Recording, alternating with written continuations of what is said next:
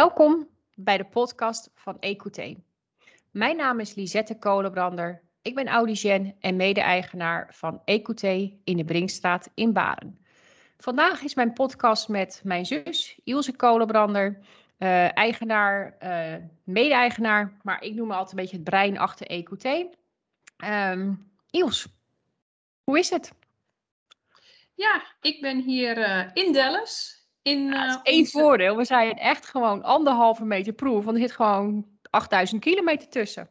Er zit heel wat kilometers tussen, inderdaad. Ik ben momenteel hier in de, de winkel in Dallas. Um, ja, leuk om de podcast te starten. Ik heb altijd uh, het gevoel gehad dat we dat moeten doen. He, voorheen luisterden we graag naar radio's en naar goede praatprogramma's. En ik hoop dat we op deze manier, door deze podcast te introduceren, veel leuke gasten in de toekomst eh, gaan krijgen. En een soort nieuwe radiostation kunnen bouwen. Ja, EQT Radio. Why not? Nou ja, dat is het mooie, hè? EQT, we hebben net al gezegd, wij zitten dus in de Brinkstraat in Baren. Jij zit in uh, South Lake, Texas. En um, nou ja, ik zei ook, weet je, je bent een beetje de brein achter het hele EQT. Wil jij even in een uh, notendop even een beetje vertellen over het ontstaan van EQT, maar ook wat is jouw drijfveer? Ja, uiteindelijk uh, ben ik natuurlijk uh, acht jaar geleden verhuisd vanuit Nederland naar New York.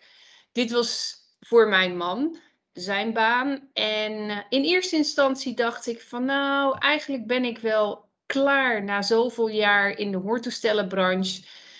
Misschien moet, is er een nieuwe uitdaging, misschien moet ik eens iets anders gaan doen. Maar ja, uiteindelijk na een aantal jaren kom je er toch achter uh, dat je merkt, en zeker in New York City, dat er weinig bekendheid, weinig awareness, zoals we dat hier zeggen, voor slechthorenden. En, en we leven in een rumoerige wereld. Uh, we zijn steeds minder verbonden met de wereld eigenlijk. Door, nou ja, zeker nu met COVID. En ja, mijn grote missie is eigenlijk dat mensen weer connected moeten zijn. Verbonden zijn met hun leven, met luisteren, met elkaar. En daar is het horen natuurlijk een heel groot onderdeel. Het verstaan, een heel groot onderdeel van. Dat is eigenlijk mijn grotere missie is mensen helpen om weer connected te zijn met, met wie zij zijn, met de, ja, het verstaan, het luisteren. En um, ik ben wel heel goed in ideeën bedenken, maar zonder Lisette, die de, ik denk zelf de beste audicien van de hele wereld is. Uh, de combinatie met ideeën en Lisette die dat kan uitvoeren, ja, dat is wel, wel echt briljant. En ik moet eerlijk toegeven, uh, zij zit daar, ik zit hier. En ik mis haar wel enorm hier om ook de klanten hier haar ervaring uh, te, laten, ja, te laten ervaren eigenlijk. Dat is ook het lastige, want je voelt je ook een soort van machteloos. Hè? Als zit ik hier in Baren en dan hoor je hoe het daar gaat. En dan zou je eigenlijk gewoon in dat vliegtuig willen springen à la minuut. En even snel je sausje eroverheen gooien en even je ding doen.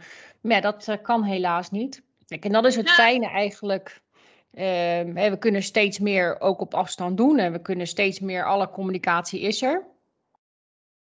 Steeds meer mogelijkheden. Ja, maar toch is het, ik denk dat we samen het team zijn en elkaar versterken. En dat heeft gewoon door COVID, ja, lukt dat gewoon niet. Nee. Ik hoop gewoon in de nabije toekomst dat daar verandering uh, in gaat komen. En de markt hier, of eigenlijk de hele slechthorendheid hier, daar, dat is zo anders nog dan in Nederland. Voor mij voelt dat echt alsof ik 20 jaar terug in de 20, ik denk 25 jaar terug in de tijd ga. Het is nog heel medisch. De dokter met de witte jas past de hoortoestellen aan. Prijzen zijn enorm. Uh, kosten voor een hoortest of kosten voor arts zijn enorm. En het aantal slechthorenden is hier zo enorm en het aantal mensen dat een hoortoestel draagt is nog vrij klein. Maar ik denk de een grote markt in theorie. Sorry? Een grote markt in theorie. Ja, er is, er is heel veel behoefte hier om, om mensen te kunnen helpen. Alleen ja, de, weg, de, de bewustwording van hoe krijg je nu. Hè, vandaar dat we hier ook zijn gestart om het een, ja, in een ander jasje te brengen. Ehm, veel meer bewustwording, veel meer toegankelijk. Um, hè, zoals we dat in Nederland doen. Hier moet je echt naar een dokterspraktijk. En daar worden de hoortoestellen aange aangemeten. Het is hier nog een hele weg te gaan om bewustwording te krijgen dat het ook anders kan. En een Amerikaan wordt ook wel graag gestuurd. Dus het is, uh, het is, het is wel een weg die niet makkelijk is. Nee, met vallen en opstaan en uh, ja, dat is, dat is heel lastig. En wat, wat je ook merkt is de Amerikanen eigenlijk, hè, jij zegt altijd, ze hebben een dokter voor alles. Ze hebben een dokter voor de pols, ze hebben een dokter voor een enkel en wat dan ook. Maar een oor, ja, ze hebben toch ook minder snel de neiging om daar iets mee te doen. Want dat heeft dus een heel veel gevolgen. En, en ja, het is niet nodig en laat maar. Dat zie je ook wel. Wat ik het mooie vind van uh, Natalie, de audioloog in, in uh, Amerika. En wat zij eigenlijk ook tegen mensen altijd zegt, en dat is wel iets wat ik gebruik bij ons ook steeds meer. Zij geeft heel erg aan het it's a baseline. We gaan gewoon ergens een beginpunt neerleggen. Ga gewoon meten. En dat is wat je eigenlijk moet, moet aangeven aan de klanten. We gaan gewoon een nulmeting doen. De eerste meting. En daar vandaan uh, weer verder. En ja. Uh, ik hoop gewoon dat we op deze manier door een podcast, door social media, door jongeren bewust te laten worden van, van slechthorendheid, ja, steeds meer mensen kunnen bereiken. Vandaar dat we ook graag actief willen zijn op, op social media.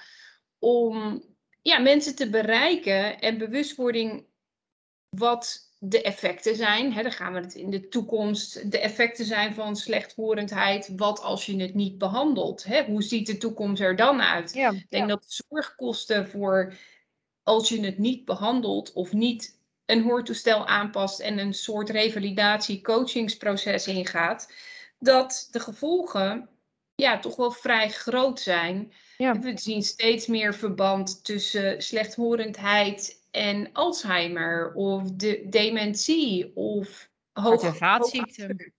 Ja, er, en ik denk dat we daar echt mee aan de slag moeten. Ja. ja. Ik zeg altijd hier ook, en dat geldt in Nederland ook, het gaat niet om een hoortoestel verkopen. Dat is het helemaal niet. Het is iemand begeleiden. Het, het hoortoestel is een oplossing. En vervolgens is het iemand begeleiden om weer te functioneren in de maatschappij. En dat is niet in één nacht geregeld. Dat is echt een proces. Maar daar weet jij meer van dan ik. Hè? In de zin van, ja, het is een heel proces om iemand te begeleiden. En dat is iets waar, denk ik, Lisette erg sterk in is. En waar wij ook voor staan. In, een, in plaats van, ja, een, een hoortoestel over de balie verkopen en that's it. Nee, het is een, je bouwt echt een hele relatie op met je klant. En uh, hoe ga je iemand weer terugbrengen? Hè? Welke situaties leven ze? En hoe ga je weer zorgen dat iemand optimaal kan verstaan en weer ja, gelukkig kan meedraaien in het leven? En dat is wat heel veel mensen eigenlijk gemist hebben. Je ziet nu ook dat mensen na, uh, die, komen, die komen nu weer binnen en die hebben anderhalf jaar lang in stilte geleefd. En die gaan voor het eerst weer ergens naartoe. En die merken eigenlijk van ja, ik mis eigenlijk dit, ik mis dat. Ik versta het ineens niet meer. Maar ze hebben anderhalf jaar geen prikkels gehad. En, en dat is eigenlijk het leuke ook, het grote verschil tussen jou en mij. Maar aan de andere kant ook weer juist de aanvulling ik ben heel erg van de gadgets en jij, een, een hoortoestel is voor mij een hoortoestel, maar jij bent altijd degene die zegt nee, een hoortoestel is een gadget. En dat is ook wat er steeds meer, tuurlijk, eh, door de ontwikkelingen van de toestellen, is het ook steeds meer een gadget geworden. Alleen het lastige is dat, dat voor heel veel klanten is dat nog niet het geval. Maar aan de andere kant, als je ziet wat de mogelijkheden zijn, en als je ook hoort, het is goed inventariseren bij de klanten, wat missen ze? En ze hebben geen idee wat ze missen. En dan is onze taak om dat goed in kaart te brengen. En door te vragen, want wat jij altijd zegt, hè, connecting to the, to the sounds of life. Dus het moet weer connected zijn ook met, met alles om ons heen. Dat zijn we niet meer. We zijn niet meer bewust van wat er gebeurt. Nee, daar, absoluut. Daar ben ik het volledig mee eens. En wij zijn gewoon allebei personen die gewoon mensen willen helpen. En dat is uiteindelijk uh, wie we zijn. Ik denk dat dit een beetje in een, ja, in een nutshell. Ik moet Ja. oppassen dat ik niet te veel Amerikaanse termen Nee, we zijn gebruik. nog steeds in Nederland. Dat ben ik zeker. En ehm, ja, een beetje hebben kunnen aan jullie kunnen laten horen wat wij, hoe wij erover denken, wat we graag willen doen. Ehm, en in de toekomst zullen we zeker thema's, hè, naar de toekomst willen we thema's neerzetten, daaromheen podcast en social media en bewustwording. Eh, daarmee willen we zeker mee aan de slag. Ja. Nou, eigenlijk komt- komt daar ook wel nog gelijk even nog één vraag eh, voorbij. Hoe zie jij echt de toekomst? Hè? Wat is jouw droom qua, qua? Want ik heb er zelf ook een en ik weet een beetje wat jouw droom is. Maar wat zou jij eh, als Ilse Kolenbrander, wat zou jij doen? We hebben het er wel eens over gehad. Ehm, in Nederland is het heel normaal dat je een hoortoestel via de vergoeding van een zorgverzekeraar krijgt. Maar in Amerika is dat zeker niet het geval. en ehm, ja, ik, eh, ik, ik vul hem maar even voor je in.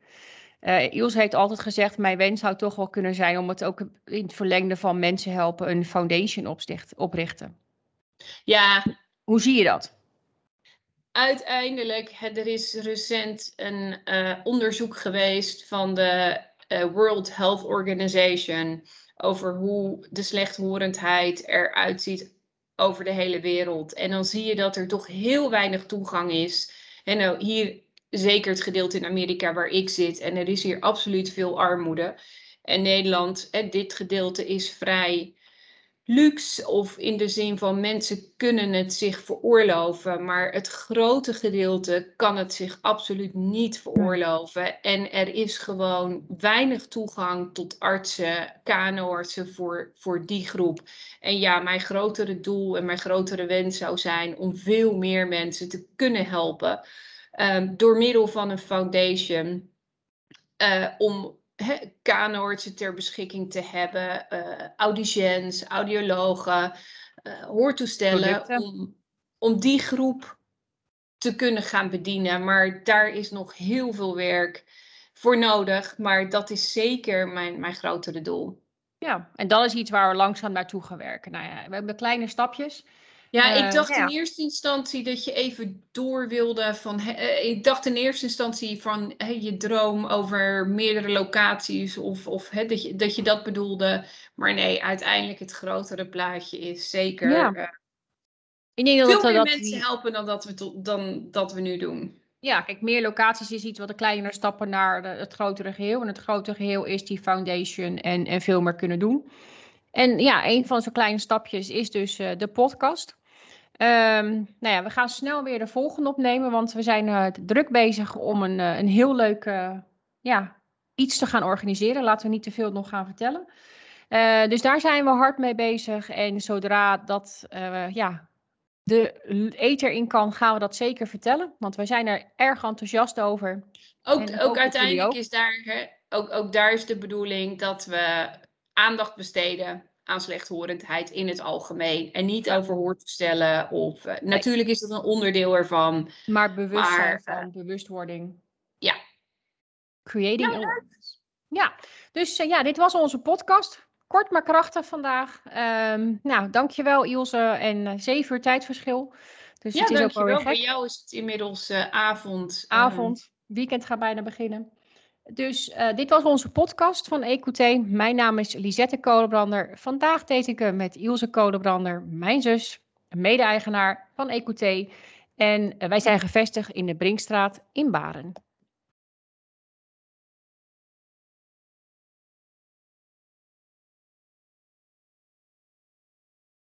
Opname stoppen.